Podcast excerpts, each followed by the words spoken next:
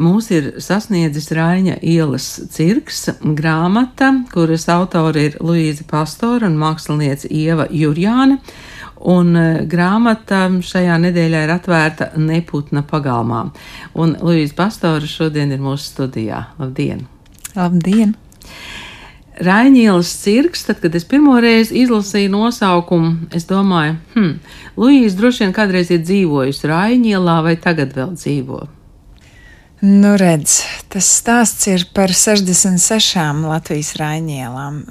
Būtībā es neesmu bijusi viņās visās, taču es ievēroju kaut kādas līdzības daudzām no viņām, varbūt gluži ne Rāņa bulvāram Rīgā, bet pilsētās un mazpilsētās noteikti. Uh, Taču tas, eh, tas sākuma punkts bija vienkārši pastaigājoties eh, pa savu ierasto pastaigu taku, savās domās bija nogrimusi un kaut kā netīšām iegriezos šķērsēlā, kurā es parasti neeju.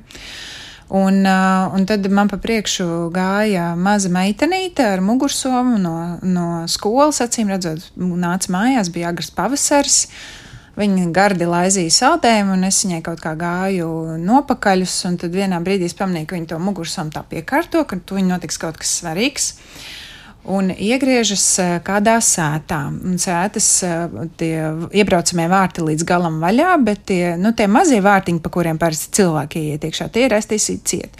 Un šī meitene to saldējumu konusiņu nu jau pusapēsto iebāza tā kārtīgi mutē, tā, tā kā izsmēķi tā, tā nopietni un nevis iegāja pie iebraucamajiem vārtiem, bet eh, pārāpās pāri aizvērtajiem sētas vārtiņiem. Un tajā brīdī es sapratu, ka te kaut kas ir. Šī meitene man uzrunāja, un es sāku skatīties apkārt, kur es esmu nonākusi. Un jo vairāk pa šo ielu, jo tālāk gāju, jo tā arī dzene ir ļoti gara iela, Rāņa iela.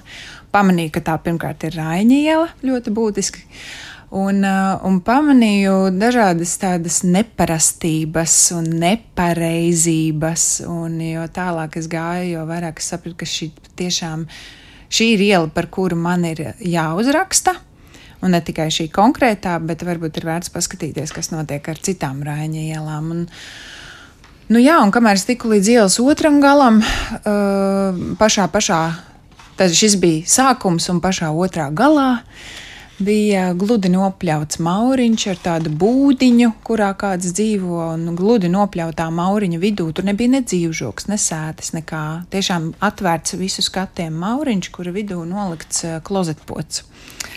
Brīnišķīgs skats, es apstājos, un tieši tajā brīdī no būdiņas iznāca tāds opītis ārā, un viņam arī kā reizes saldējums rokās, bet tajā vēl iepakojumā. Un viņš uz tā klozetpoda apsēdās tā kā tādā atpūtas krēslā, kāju par kāju salika, atvēra savu saldējumu un sāka ēst.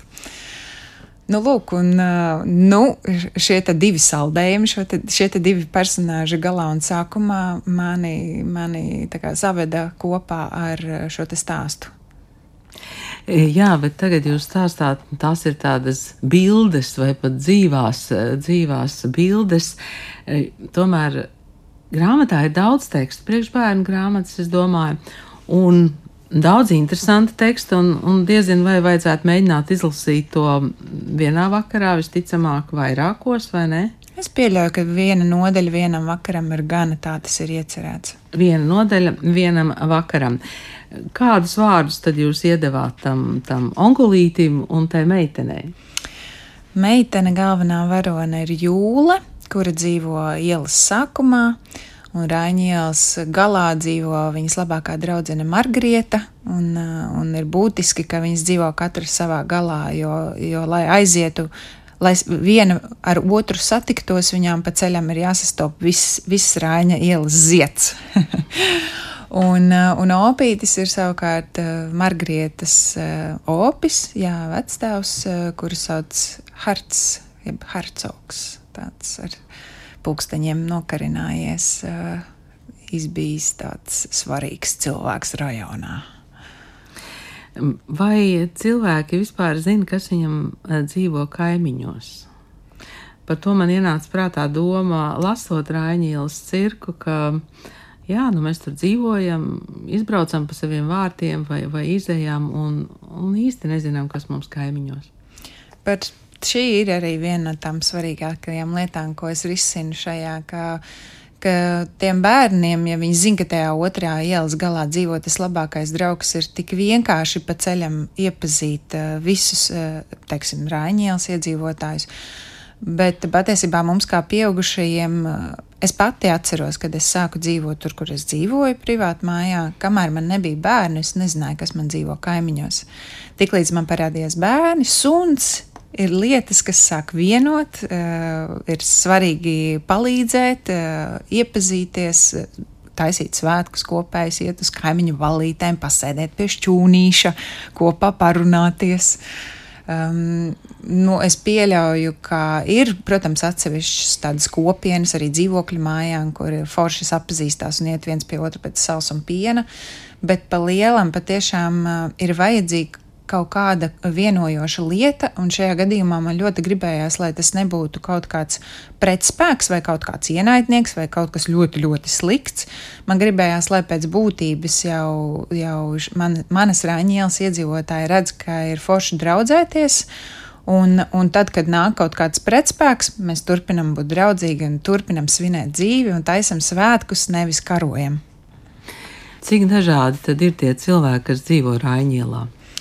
Tas man arī šķita fantastiski, jo tur patiešām pat man nebija nekas jāizdomā. To es visu noskatīju savā rāņa ielā, ka uz vienas ielas dzīvo cilvēki, kuri būtībā tādā makrokosmā īstenībā nespēja sadzīvot, bet uz vienas ielas uh, viņi pat spēja sarunāties un komunicēt, jo viņi tomēr atrodas kaimiņos. Mums, mums ir šeit uh, Rāņielā ir uh, sociālā māja, kurā man šajā gadījumā ir um, 70-gadīgie dviņu brāļi, no kuriem viens ir ratiņkrēslā. Viņš ir absolūti brīnišķīgs, jo viņš ir ļoti ātrs ar savu ratiņkrēslu un līdz ar to bērniem ļoti piesaista uzmanību.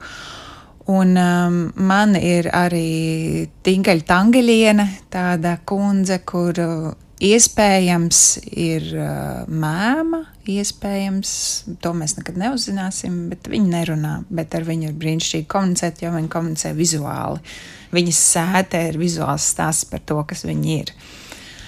Um, un uh, ir, ir kapitāntes, tās tantītes, ko mēs zinām, ka mēs pastaigājamies pa kādu mazpilsētas ielu, ka mēs tiekam novēroti. Ir daudz šādas kundzes, un, un ir cilvēki, kas vienkārši brauc uz darbu, un ir opionomes, un ir Rāņģēls pirmajā namā dzīvo rakstniece. Jā, izklausās uh, skaisti. Man ienāca prātā filmas Čērsiela, kur arī dzīvo visdažādākie cilvēki, bet tur man šķiet, um, bērniem bija maza loma, vai arī es īsti neatceros. Bet nu šeit bērni tomēr ir galvenie varoņi jūle un meitenīte, kas dzīvo mm, Raņa ielas otrā galā.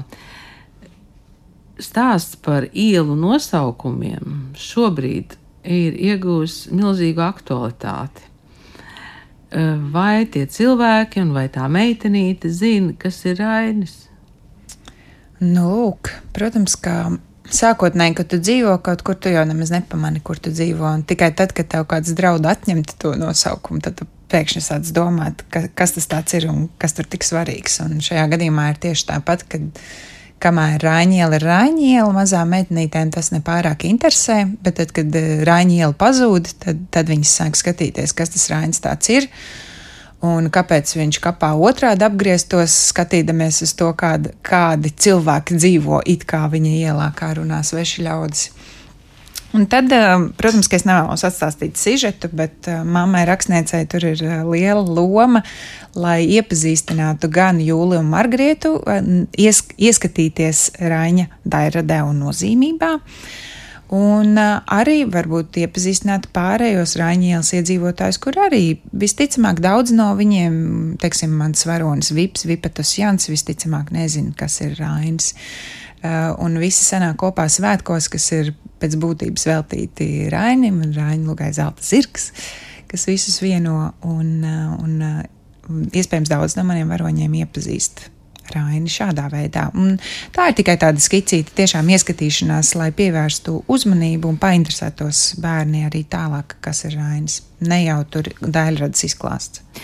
Vai varētu būt tā, ka ar šo grāmatu sākas nu, nevis mākslas detektīvi, kas, kas jau ir jums, bet tādi literatūras vai, vai, vai ielu detektīvi?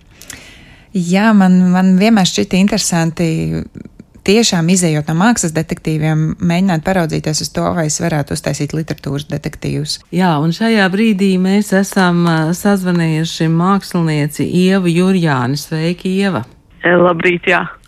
Mēs šeit esam studijā kopā ar Luīzu Pastori un uh, esam uh, izšķirstījuši un izlasījuši grāmatu Raiņa ielas cirks. Mm, jau uh, stāsti Luīza ir bezgala bilžaini. Sakiet, kā jūs sastrādājāties, vai, vai Luīza stāstīja un jūs zīmējāt, vai kā tas notika? Mm, Luīza man iedeva manuskriptu, kas bija izdrukāts uz rozā lapusēm. Un es jau uzreiz sapratu, ka stāsts ir ārkārtīgi košs un ka man to ir tā kā jā, jāsaliek pa bildēm tā, lai es pati varētu izsekot. Un, un tad man radās doma par vairāku līmeņu zīmējumiem, kas tiek paralēli uztverti. Tā kā melnbaltais zīmējums un krāsainais zīmējums, piemēram, ir tā kā divās dažādās dimensijās, tā kā divās dažādās plaknēs. Un, un nu, kaut kādā veidā māksliniekam ir no savas puses to jāstrukturē, ko rakstnieks raksta, un vienlaicīgi tā, tā laimīgā iespēja nonākt atkal bērnu prātā bez kuras vispār nav iespējams dzīvot bez šī bērna prāta. Jā, bet es lasīju arī, ko, ko rakstīja Aleksējs Muraško, ka tie bija brīnišķīgi jūsu ogles zīmējumi un kā tas tālāk ir uh, nonācis grāmatā. Man šķiet, ka tas arī ir tāds diezgan fantastisks stāsts.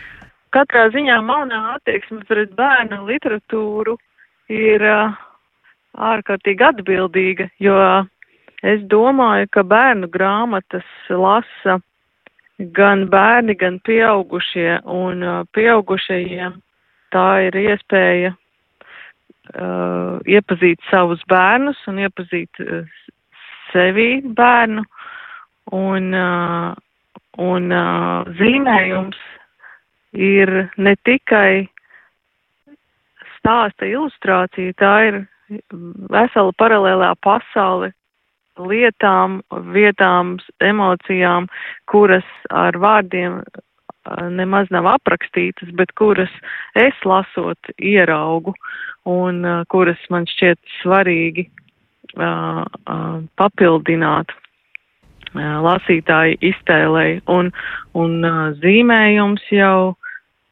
ir solis vispār mākslas virzienā un, un tēla virzienā, un tēlainā domāšana ir absolūti nepieciešama gan bērniem, gan, gan pieaugušajiem. Un, nu, man pašai tīri uh, fiziski prasījās tos zīmējumus, zīmēt lielus, un tos var arī oriģinālus redzēt tagad uh, galerijā Neputnas eh, izdevniecības Neputna veikaliņā, jo, lai ieietu tajā stāstā, tam zīmējumam jābūt tik lielam, ka es neredzu malas, un grāmata arī diezgan liela.